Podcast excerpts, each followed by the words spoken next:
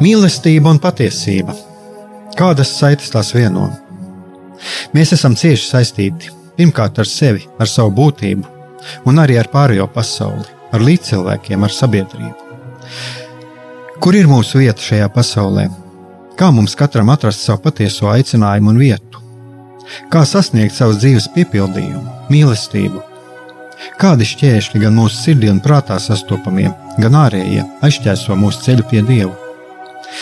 Šie jautājumi ir mūsu dzīves sastāvdaļa, svarīgi mūsu ceļā uz svētumu. Meklēsim šajā raidījumā kopā atbildes uz šiem jautājumiem. Ieklausīsimies, ko Dievs mums vēlas pateikt ar visu, ko sastopam savā dzīvē. Lai mūsu sirds un prāti atveras mīlestībai un patiesībai, raidījums mīliet cits citu.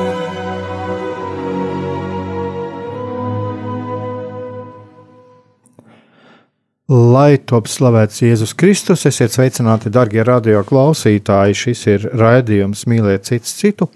Studijā atkal esmu Iesaigās Brīsmanis un Jānis Jakobsons, un mēs eh, turpināsim savu sarunu eh, par grāmatu Priestera Pola Lebo sak, teiksim, sakārtoto, sakopoto uh, grāmatu Ētija Hilesuma kāds garīgais ceļš. Un, ja jūs atcerieties, pagājušajā reizē, pēd, pagājušajā reizē mēs runājām par to, kā Ētija Hilesuma pamazām, pa, pamazām sāka apzināties savu garīgo ceļu, ejot kopā ar savu psihoterapeitu. Un uh, kā viņa būtībā, ja viņa atrodas šo savu garīgo ceļu, un kā viņa pati raksta, katrā tikšanās reizē, es tajā atklāju kādu jaunu aspektu, savācu to un ienesu viņam, un viņš piepieši atrod šīs det detaļas. Vietu kopumā, tātad savā veidā mēs varam teikt, tāda sav, dzīves harmonizēšana, kas notika Etijai Hilisumai. Uh, sadarbojoties ar šo savu psihoterapeitu. Un, eh, jā, ja jums eh, ir interese, jūs es ceru, ka ir arhīvā, ka jūs varat arī paklausīties šos iepriekšējos raidījumus. Un mēs pieskārāmies arī šim jautājumam, arī par šo seksualitāti kā viņa pati arī atzina, ka viņa lūk, izjūt šo seksuālo vēlmi pret šo savu psihoterapeitu. Un, un tagad tāda diezgan, diezgan interesanta man sadaļa sāksies. Jāsaka, jāsaka, ka tieši tam arī diezgan daudz ir veltīts. Jā. Ir veltīta, veltīts šī, šis viņas, šie viņas pieraksti. Un eh, jāsaka, tā, ka, mm, ja mēs skatāmies eh, arī šos viņas piezīmes, tad eh, ir tā interesanti paskatīties, ka kad patiesībā jau viņa iet tādu pamazām, pamazām šo apz, sevis apzināšanos ceļu, apzināšanās ceļu. Un uh, ir ļoti interesanti tas, ka savā ziņā tieši šīs viņas seksuālās ziņas ir tās, kas eh, liek viņai pamazām, pamazām sākt domāt par šo savu garīgumu. Un, un eh, tādā ziņā ir ļoti interesanti. Kāpēc man tas šķiet ļoti interesanti? Tāpēc, ka nu, bieži vien daudzi cilvēki nobīstās no tā, no šīm savām seksuālajām interesēm, Un uh, viņi vai nu tās sevi apspiež, vai, vai arī aiziet tādā, teiksim, tādās destruktīvās attiecībās. Jā, piekrītu tev.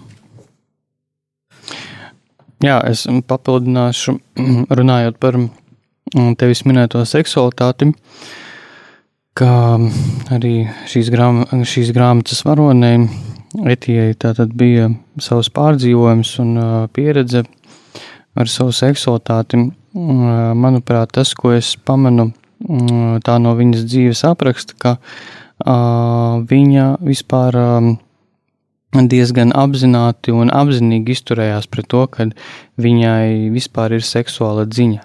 Un ka, ja viņa, teiksim tā, ja viņa mm, neizpratīs, ko ar šo seksualitāti darīt, seksualitāti darīt un kas tā vispār ir, ka tā ļoti spēcīgi ietekmēs viņas dzīvi. Un šeit mēs atgriežamies pie tā, ko jau mm, pirms vairāk kā simts gadiem Freids arī bija tādas, tādas lietiņas sapratis par seksualitāti, ka tā ir mūsos ļoti spēcīga ielikta dziņa. Skaidrs, ka Dievs mūsos ir ielicis seksualitāti ar mērķi, un ja mēs šo seksualitāti uh, nepazīstam, ja mēs viņu nekopjam, ja mēs no viņas vēl vairāk baidamies, un ja mēs to, uh, teiksim tā, marinējam, ja, ja mēs to iztumjam no mūsu dzīves, no mūsu apziņas, tad, tad viņa, viņa nekur nepaliek. Viņa mūsos ir un viņa var pieņemt dažādas agresīvas, mums negaidītas formas. Un es teiktu, ka šis ir arī viens no iemesliem, kādēļ cilvēks nereti pāriet uz citu orientāciju, jo ja viņš netiek izglītots kā vīrietis vai kā sieviete, kas ir viņa seksualitāte un kāds, it, un kāds ir viņa seksualitātei mērķis, tad uh, viņš var neizprast, kāda ir viņa vīrieša vai sievietes funkcija šajā pasaulē. Un, un viņš nevar saprast, kā tad integrēt viņa seksualitāti. Un kas tas vispār ir par tādu spēcīgu uh, psihisku parādību cilvēkā. Un līdz ar to uh, cilvēks mēdz arī tad uh, ieiet problēmās ar savu orientāciju. Uh, tāpēc seksualitātes izglītošana, es domāju, tas ir viens no tādiem veselas personības stūrakmeņiem. Mhm.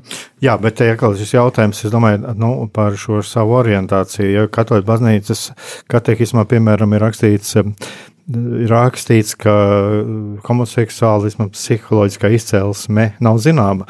Un šeit man šeit ir diezgan daudz tādi viedokļi. Es, piemēram, turos es gaidu. Mm, es pats personīgi gaidu šajā gadījumā uz tādu zinātnieku atklājumu. Zinātnieku atklājumu par to, ka nu, beidzot parādīsies, kas tas ir. Jā. Mm, es domāju, mēs varam kādreiz vadīties tikai no savas pieredzes. Es pats, piemēram, personīgi uzaugu salīdzinoši diezgan skarbos apstākļos. Uh, Neviens man nemācīja to. Es atceros, kad runāju kādreiz bērns, bērnam, nu, stāst, ka tur sāks patikt meitenes un tā, un es tās savas pazīstamās, kas tur man skolā bija. Es domāju, nu, kas tur īpaši ko patikt. Jā. Un es atceros tādu momentu, es varbūt šeit esmu kādreiz radio stāstījis to, ka es sevi pieķēru. Es pat neatceros, kura tā klase bija, nu, kaut kad vecākās klases. Es atceros tādu pelēka dienu. Pelēka apmākusies diena, un es jau pieķeru, ka es jau vairākas dienas tur pa vienu meitenīti domāju. Un tad es pēkšņi tādu šoku piedzīvoju. Laikam tas ir tas, par ko es biju dzirdējis. Jā, uh, nu, jā tā kā tā. Jā. Tev ir kaut kas piebilstams? man šobrīd nav. Jā, jo šajā gadījumā man šķiet, ka šis jautājums ir kaut kā ļoti ideoloģizēts un, nu, Es domāju, mums jābūt ļoti piesardzīgiem. Es, es, šo, es šo jautājumu vispār negribu cilāt. Es viņu negribu cilāt. Un kādā ziņā e, viņš ir, teiksim, politizēts, jā, tā. E, tu domā tieši par seksualitāti? E, ne par seksualitāti, kas attiecās uz seksuālu orientāciju un tā tālāk, jā. Mhm. Jā, jo šeit var rasties daudz dažādu pārpratumu. Un, jā, un tāpēc es viņu tomēr gribu, es tikai aicinātu to, ka cilvēki, kas, cilvēki, kas saskarās ar šīm lietām, vai tas ir psihoterapeits vai, vai kāds garīgais vadītājs vai kāds priesteris, e, nu, neizbēgami. Nu, Var gadīties, ka nāk saskarties ar šiem cilvēkiem. Ja? Un es domāju, ka šeit ir viena ļoti būtiska lieta. Es šajā gadījumā būtu palikšu ļoti neitrāls, bet galvenais ir atkal nemoralizēt un, un nebraukt virsū ar, teiksim, ar standarta šabloniem. Jā, jā, jā, jā, jo tas var nodarīt tikai lielāku ļaunumu, jo tikai Dievs īsti zina, tikai Dievam zināms, kas un kāpēc. Kāpēc šis cilvēks ir tāds? Jā, un arī tas, es domāju, ka tas attiecās arī uz orientāciju. Tāpēc, lai, nu, Nu tā, tāpēc šis jautājums ir. Es domāju, ka mums ir jā, vēl jāpēc kādam laikam, lai vispār mēs būtu gatavi par to atklāti runāt. Nu, redz, kā, cik interesanti mēs arī iznāca pieskarties šādam, šādai lietai. Es nezinu, cik esi daudz tajā grāmatā ieskatījies šajā gadījumā pētīt Hilsumu. Jā, bet šeit ir arī tāda lieta, ka, jā, etika Hilsumā, ja kad viņi apzinājās to, ka viņai ir vajadzīgs šis pavadonis, šis vadītājs, uh, Un viņa atrada Jūlijas Piera personā. Nu, tas ir šis viņas psihoterapeits. Ja. Un kas ir ļoti būtiski, es nezinu, es to lasīju vai nelasīju pagājušajā raidījumā, bet, bet, bet arī atkārtot, ja arī tā būs atkārtošās, tas nebūs pasliktu, ka viņa atzina, ka viņš, protams, nebija svētais, ne arī askēts, kas pilnīgi valdītu pār sevi, un nebija ilgi jāgaida, lai to apzinātos. Špieris bija cilvēks, kam piemīta reizē prasīga un smalka juteklība, taču tieši tādēļ, ka viņš pats to apzinājās un izjuta vajadzību savu juteklību uzraudzīt un orientēt pozitīvā virzienā, arī Etijas daba, tikpat juteklīga un aizrautīga, atrada viņā reizē pieredzējušu un saprotošu vadītāju, kas tai bija tik nepieciešams patieci, patiesa, cilvēciska un garīguma sasniegšanai. Un kas man uzreiz tā, tā, tā no tā, ko tu stāstīji, kad, kad šeit ir nāk ārā tas, ka eh, tā drosme, tā drosme runāt, un eh, tieši jutesli, jutekliskums, tā apzināšanās, personīgā pieredze, kas ir ļoti svarīga. Un eh, šajā gadījumā tā personīgā pieredze bija tieši šim Jūlijam Špieram, tas ir tā viņas psihoterapeitam. Un Jā, un tad ir arī kā pati to Etika Hilesam rakstījis, ka viņa kaisla ir novirzīta terapeita darbā, taču titāniska cīņa arī vien notiek ar juteklību, ar šo viņa daļu, kas tā arī nav atradusi savu virzienu. Eh, tas ir eh, viņas pašas šīs eh, tāds redzējums. Mm -hmm. um. Jā, un es arī vēl gribu minēt uh, vienu tādu svarīgu momentu, ka um, daudzi psihologi un uh, psihoterapeiti, es domāju, tā skaitā arī psihiatri, gadu desmitiem uh, esot savā darbā, praksē un uh, redzot to, teiksim, ar kādām sūdzībām nāk klienti, uh, pacienti, teiksim, pie psihiatrija, tad nonāca pie tāda secinājuma kopsaucēja, ka uh, skaidrs, ka psihiskiem traucējumiem ir kaut kādi teiksim, tā priekšvēstneši, kas, eh, kas noved cilvēku līdz tam stāvoklim. Un eh, kā viena no tiem ir minēti eh, ļoti divi svarīgi momenti. Ja cilvēks nemāk izpaust savā dzīvē veselīgā veidā agresiju un savu seksualitāti, viņam sākas psihiskie traucējumi. Respektīvi, ja cilvēks uzskata, ka uh, viņš nedrīkst dusmoties, ja viņš nevar pastāvēt par sevi, ja viņš nevar uh, apzināties savas robežas, ja viņš nemāk atteikt, ja viņš nemāk attiecīgos brīžos par netaisnību dusmoties, Uh, varbūt pat sevi aizsargāt, varbūt pat fiziski sevi aizsargāt, ka tas ir nepieciešams. Uh, ja cilvēks uh, baidās mm, teiksim tā, pacelt savu balsi kādam, kas viņam dara pāri. Jā, un ja viņš uh, neatzīst savu seksualitāti un uzskata, ka tas ir kaut kas, kas nav svarīgs, viņā rodas psihiski traucējumi. Jā, un tas to šeit arī var attiecināt uz seksualitāti, bet uh, es saku, šeit arī šajā grāmatā tas apraksts ir, viņš, es pat teiktu tā, tur ir sava veida interesanta pieeja šim spieram. Ja. Uh, viens ir tas, ka viņš ir bijis. Uh, jā, viņš atzīst, Etija atzinusi viņam, kad tādu erotisku pievilcību sajūt pret viņu, tad, kad dodas pie viņa. Un viņš viņai arī to atzīst. Jā, un šeit nāk tāds savstarpēji, nu, tāds, teiksim, tāds cīņas motīvs. Un viņš atzīst arī to, ka viņam, viņam ir viena potenciāla līgava. Es vēlos atgādināt to, ka tas ir holokausta laiks, mm. jā, un, un ebreju cilvēki, jā, bet viņi ir Londonā, viņš, protams, netiek projām, jā. Šeit apraksts, piemēram, 1941. gada marts, jā, un ka vē, Un kā ātrāk apraksta pats, eh, kas pētīja arī šis priesteris Pols Lebo, kas eh, apkopoja šos etijas piezīmes, ja ka vēlākā pati etija izjūt šo, gan, kā viņa rakstījusi, ir gandrīz bezcerīgu vēja, vē, vēlēšanos pēc miesiska kontakta ar viņu. Ārsts viņam arī stāsta, ka nedēļām ilgi dzīvo šķīstībā un tā tālāk. Ja. Un tā viņš saka, un tā es jūtos labi, un tas palīdz manam darbam. Viņš atzīst, ka lūk, šī dzīvošana šķīstībā, tas palīdz viņa darbam. Uh -huh. Jā. Un, un tad ir tāds ļoti tāda, viņš, kā arī pats Pols Lebo raksta, Jūlijas Piers pamatot uzskatīt, tad lūk šis psihologs, psihoterapeits uzskatīja, ka miesa un gars ir cieši saistīti. Un šī pārliecība, kas atbilst arī bibliskajai antropoloģijai, bija viņu aizvedusi līdz tam, ka lika pārbaudīt kādas savas pacientes vai pacientu rakstura spēku un viza, viņas fiziski izaicinot. Un, jā, un tad ir apziņā, ka Etija atceras, kā piedzīvoja pirmo šādu terapeitisko, un tas terapeitiskais šeit ir minēts, minēts Uh, ieliktas pēdiņās, ja, uh -huh. kā šo terapeitisko pieredzi, kas, starp citu, izrādījās diezgan pārsteidzoši abiem partneriem. Ja.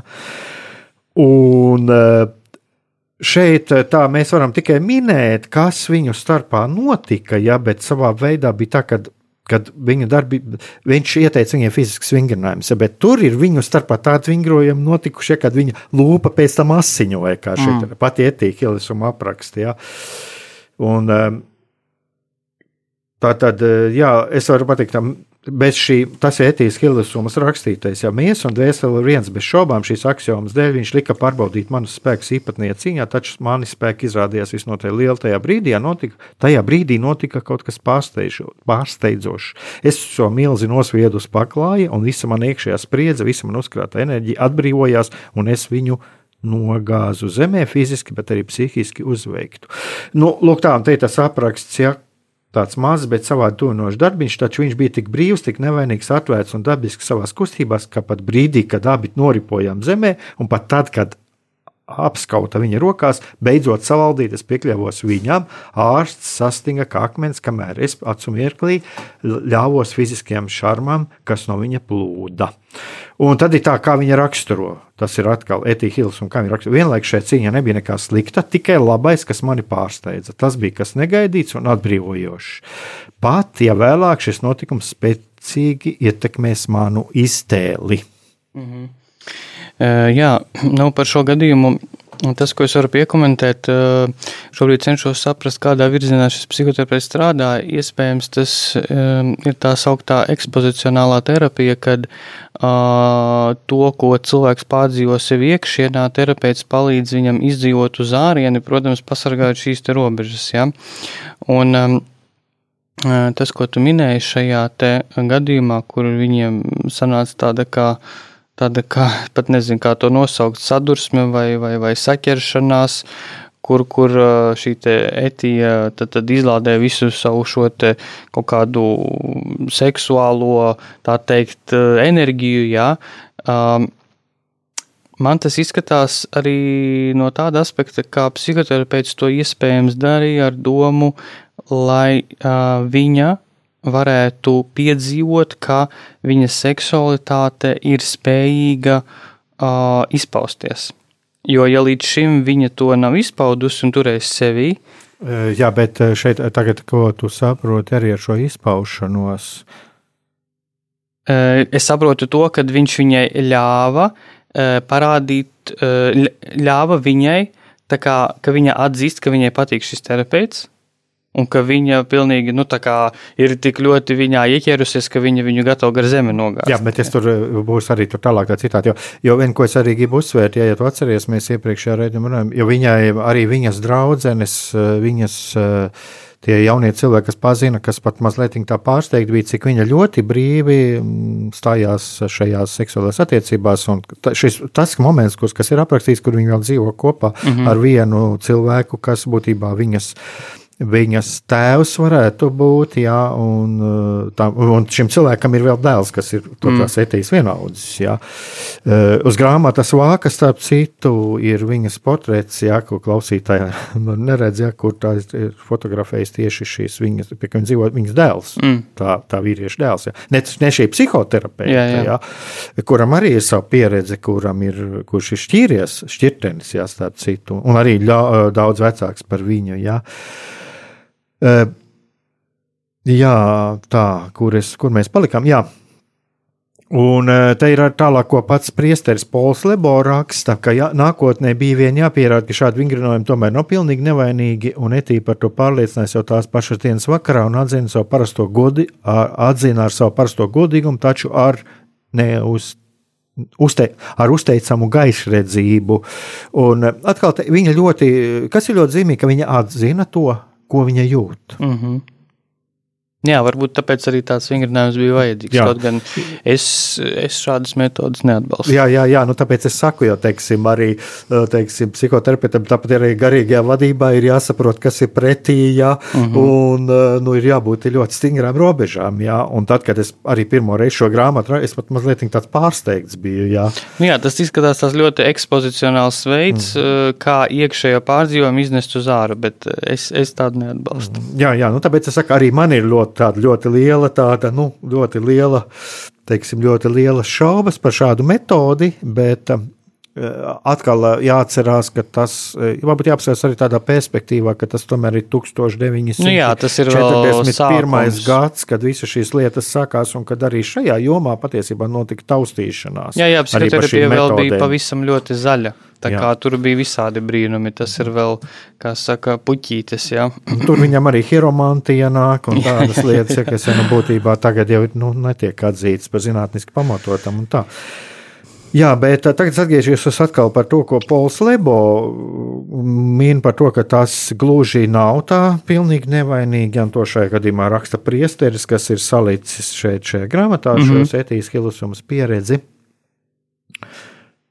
Un tad viņš eh, šeit ir eh, Etijas Hiles summas pašas pārdzīvojumi, ko viņa ļoti, ļoti godīgi uzrakstīja. Un eh, tā saka, es veicu īstu morālu sakopošanos. Šovakar pa telefonu viņa balss lika manai miesai sākt celties, taču es savaldījos iekšēji, iekšēji nolamājusies kā važone. Es sev sacīju, ka neesmu vairs maza histēriska meitene. Pēkšņi es tik skaidri sapratu mūkus, kas sevi šausta, lai savaldītu nešķīsto miesu. To raksta Etija mhm. Hilesum, mm -hmm. ka mhm. viņi saprata tos mūkus. Ja. E, īsa, bet nežēlīga cīņa pašai ar sevi un dusmu vietā mani pārņēma liela skaidrība un liels miers. Tagad jūtos līdz galam labi, iekšēji attīrīta. Vēl reizi es, viņa to savu to psihoterapeitu ar ešu apzīmē. Mm -hmm. Vēlreiz eš ir uzvarēts. Uz cik ilgu laiku? Tādu, tādu jautājumu viņa uzdod. Ja. Un tad viņa raksta, es neesmu viņā iemīlējusies, es nemīlu viņu, taču kādā nenosakāmā veidā es sajūtu, ka viņa vēl neizveidotā personība, kas aizvien cīnās pati ar sevi, mani smagi nospiež. Un šeit ir viena tāda zīmīga lieta, ko ko Etija Hilisumam raksta un ir pamanījusi, eh, viņa iet pie šī cilvēka, eh, kurš viņai palīdz. Mm -hmm.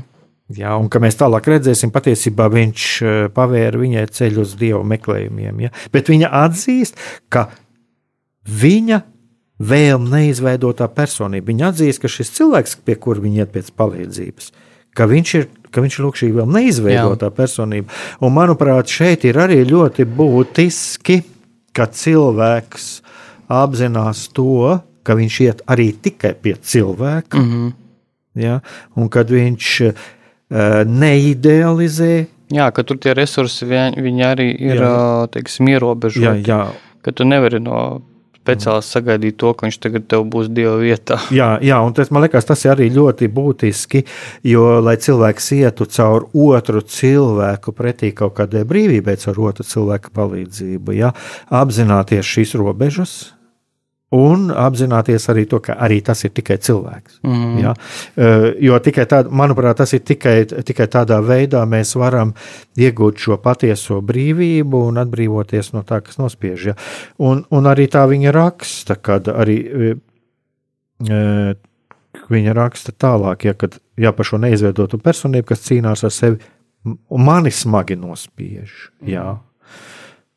Un, e, un tad viņa raksta tālāk, uz šo brīdi vēl vairāk. Tagad es uzlūkoju, tagad viņu es uzlūkoju ar noteiktu distanci. Dzīves cilvēks, kurš cīnās, jo viņa plosa no vienas puses primitīvie spēki, no otras garīgums. E, Tātad viņa atzīst, jo viņa piemin šo vārdu garīgums. Mm -hmm. Ja, viņa to atzi, apzinās. Ja. Un Un, tagad muzikāla pauzīte. Uh, jā, mums jau pamatā beidoja jau tā, kā nāk. Šodien mums tāds saīsināts laiks, bet uzlikšu arī tādu muzikālu pauzīti.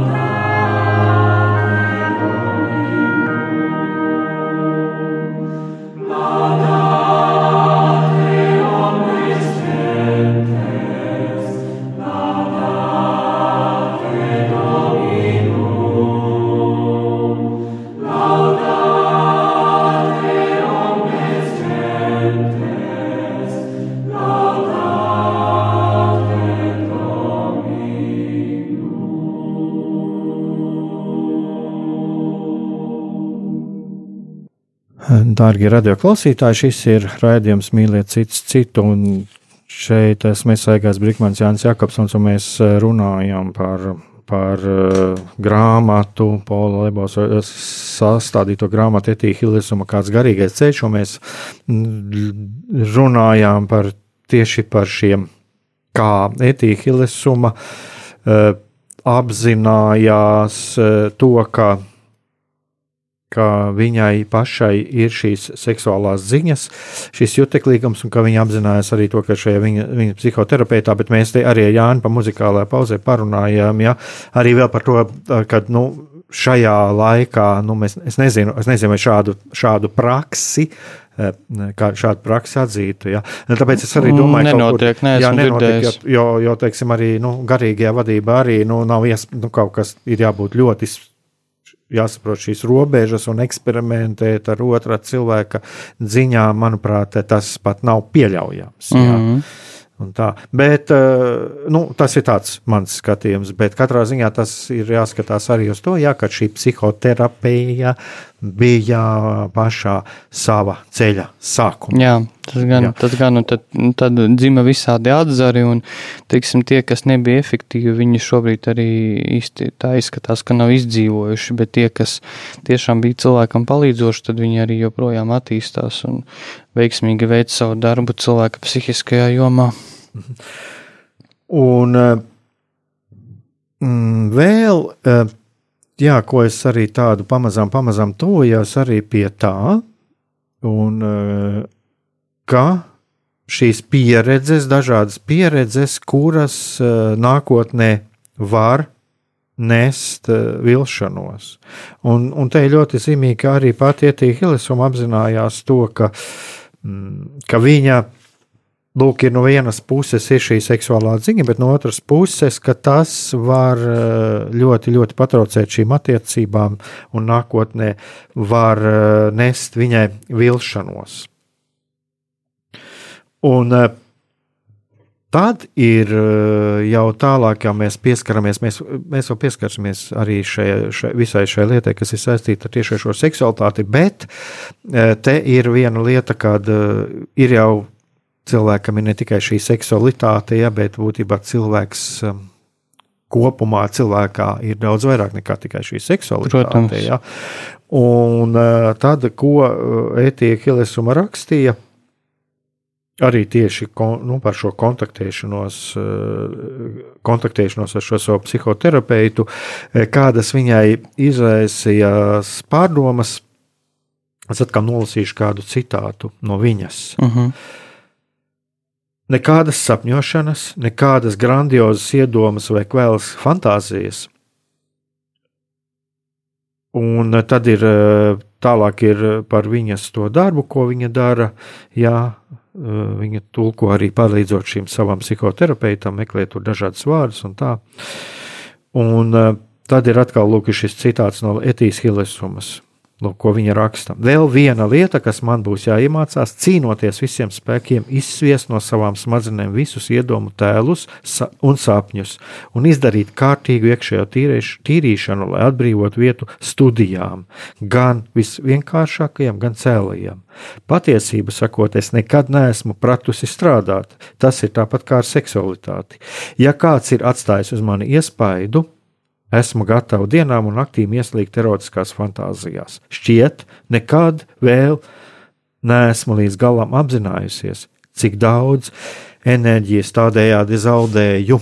Un kāpēc es par šo, šis, šis es arī no šīs grāmatas pasvītoju šo citātu, ka šeit ir runa Jā, šeit ir, protams, runa par dažādām seksuālām fantāzijām un tā tālāk, ja, par kaut ko neaizskaramu, jo, protams, šeit ir runa par to, ka tas būtībā nav viņas vīrs, jā, bet tas ir vienkārši seksuālās fantāzijas, kaut kādas iekšējās ziņas, jā, kuras viņa apzinās, kad eh, tās realizējot būs tikai sliktāk. Jā. Mm -hmm. Bet eh, šeit ir, manuprāt, arī ļoti svarīgi apzināties, ka bez seksualitātes ir vēl kaut kādas citas lietas. Un šeit, ja mēs pieskaramies jau tādai lietai kā izvērte, mēs izvērtējam mūsu dzīvē, pirmkārt, ko mēs vēlamies, ja, un otrkārt, eh, ir jau jāsaprot, vai šīs lieta, ko es vēlos, eh, vai tā ir realizējama. Ja, ja tā ir realizējama, ja tā ir pēc būtības atzīstu par labu, esam, ja tas ir tiešām mans aicinājums, bet šeit runājot par morāliski pieņemamām lietām, tad es e, no sapņiem pārēju pie realizācijas, pie darbiem.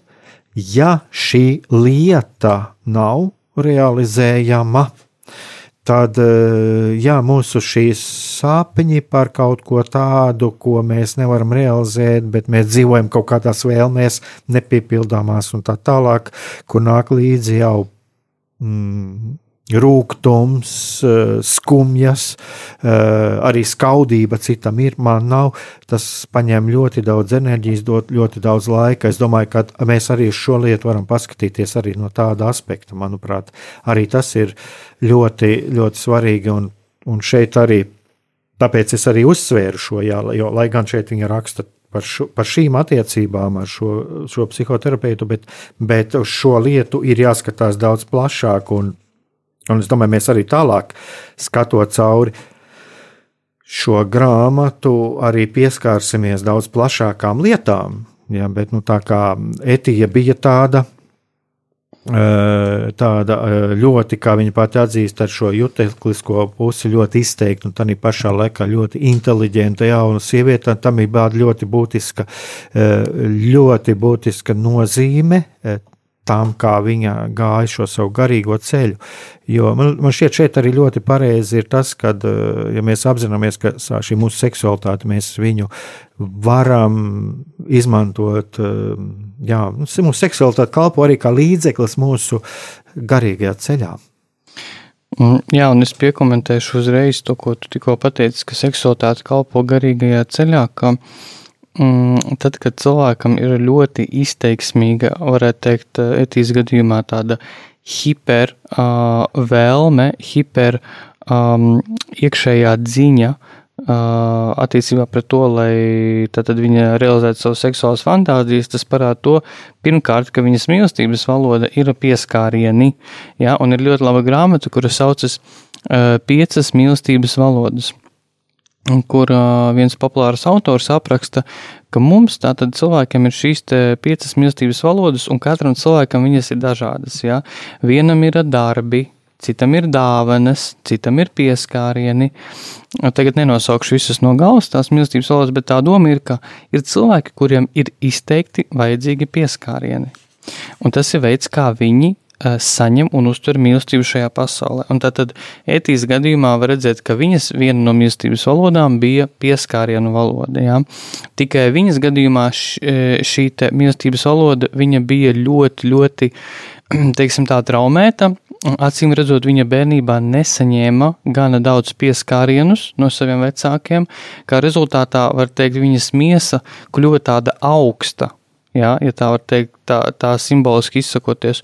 Un šo augstumu tālāk tad cilvēks piepilda caur galējībām, caur šīm nerealizējamām, neveselīgām, destruktīvām seksuālām fantāzijām, kuras reālajā dzīvē nav iespējams realizēt ar veselīgu partneri, ar savu laulāto.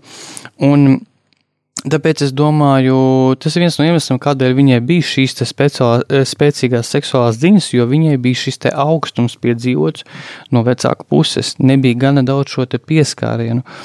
Un šeit es varu pateikt to, ka eh, tu minēji atteikumu, tātad, ka seksualitāte var būt kā instruments ceļā uh, garīgajā dzīvē, un es tam piekrītu, jo, ja mana mīlestības valoda ir pieskārieni, tas nozīmē, ka man būs uh, paaugstināta uh, interese uh, tuvībai ar Dievu.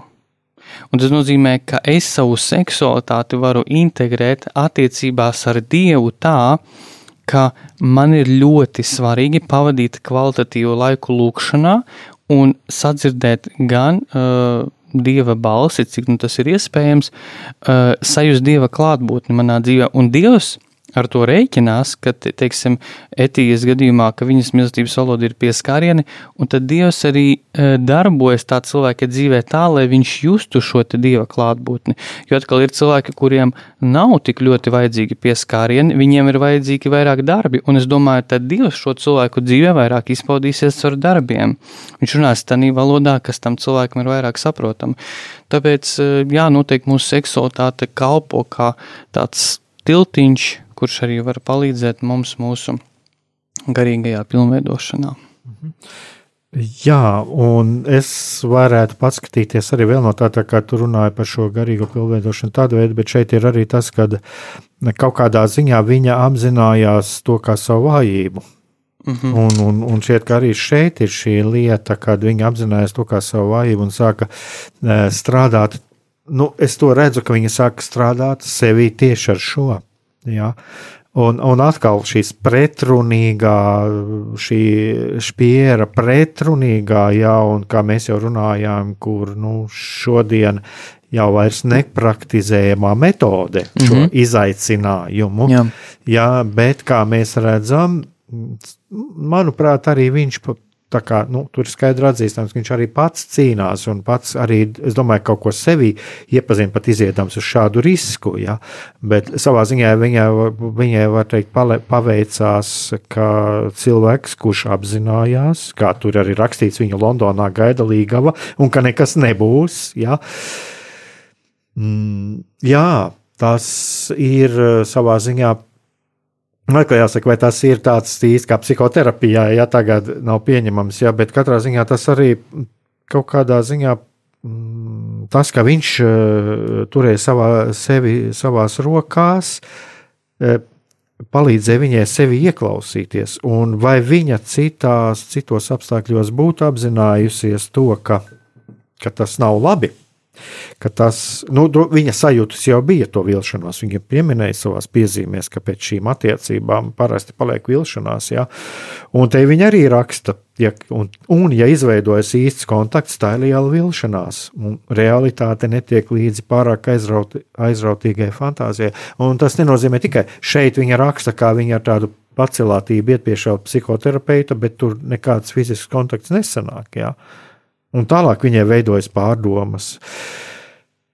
Un, eh, bet es domāju, par to mēs jau parunāsim tālāk, jā. jo tur arī var, varbūt mums iznāks vairāk runāt. Jā, bet katrā ziņā šeit viņa runā, runā par to, ka viņa atzīst to, ka arī tad, kad ir šīs attiecības izveidota, pamatā, kas atstāja ap pie šīm fiziskajām attiecībām, ja, viņa apzinās, ka viņa nejūtas laimīga. Ja? Jā.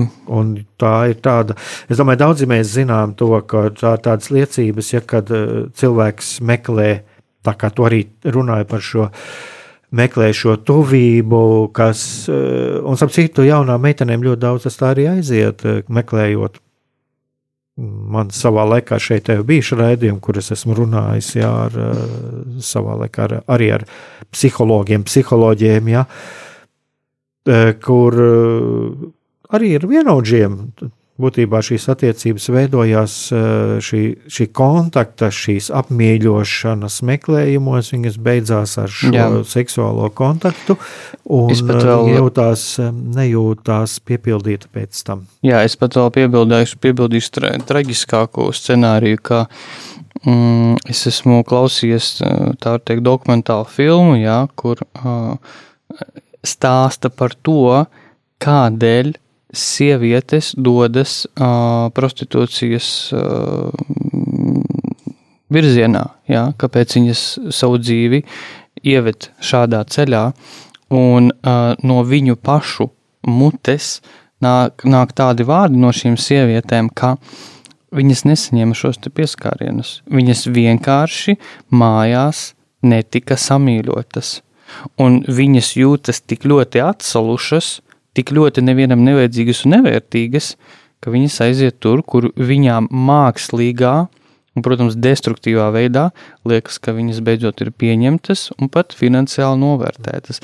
Tāpēc um, mēs atgriežamies pie, pie vecās labās bērnības, ka ir ļoti svarīgi, kādi tie pamati mūsos ir ielikti. Un ja mēs jūtam, ka tā bāka deg, ka kaut kas nav bijis kārtībā, tad labāk ar to strādāt, ar visiem mums pieejamiem resursiem, lai tas vienkārši mums nesabojā dzīvi. Mhm. Es skatos, mums jau mūsu raidījums jau veidojas noslēgumam, tuvojas noslēgumam. E, un tālāk, es domāju, mēs arī turpināsim nākamajos raidījumos, mazliet vēl pieskarsimies šai jomai, tad mēs iesim jau tālāk, tālāk, kur jau ir runa, kur pati Etīna Hilesuma raksta par patiesību, par attiecību kvalitāti un par to, kā viņa iziet no šīm, var teikt, diezgan, diezgan sarežģītā, sarežģītā ceļa. Uh, sava sarežģītā neteiksim, ceļa no šīm attiecībām, kas, manuprāt, ļoti sarežģītas. Viņai veidojas arī to, ar to viņas psihoterapeitu. Mm -hmm kā viņa iziet un kā viņa no tā iegūs labumu. Un šeit, šeit man, man šķiet, ir arī kaut kāds tāds piemērs, kā Dievs darbojās, kā arī uh, ar šo līko līniju, no šās līkas līnijas var, var uh, radīt taisnu dzīves līniju.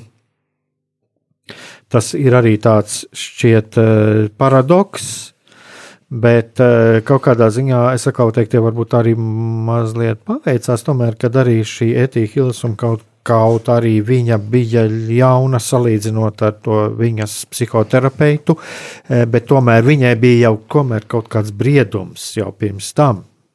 Un, Jā. un, un, un, protams, arī viņam pašam bija savs. Bet nu, ir jāatcerās, atkal vēlreiz atgādināt, tas bija šīs psihoterapijas pats sākums. Mm -hmm Un, jā, tā kā šīs lietas, nu, tāda bija tā viņa prakse, bet tas ir tas, kas šodien, es domāju, vairs. Nu, es domāju, tas tā nenotiek vismaz tajā atzīties. Jā, arī mūki sevi jau... kādreiz sita ar pātagiem līdz asinīm. jā, arī tādas Tagad to bija. baznīca nosoda un neatzīst. Jā, jā, tā, kā. tā kā mums ir citi ceļi un tos mēs izmantojam. Es domāju, arī, arī ar to mēs šodien noslēgsim mūsu sarunu. Un tad nākamajos raidījumos turpināsim. Man tāda sajūta, ka vēl šo grāmatu pārlasot, ka arī vismaz, vai tev tā nešķiet, ka mēs arī kaut kādus. Kaut kādas e, kustības notiek mūsos un ieskatīšanās mūsos, Noteikti. mūsu, galīgai, mūsu, mūsu garīgajā ceļā. Noteikti, jā. Un es ceru, ka arī klausītājiem un klausītājām arī kaut, kaut kas no šī var palīdzēt. Jā, cerēsim, un uh, lai jums jauka nedēļa, darbie klausītāji, tiksimies. Uz tikšanos nākamajā raidījumā. Atā.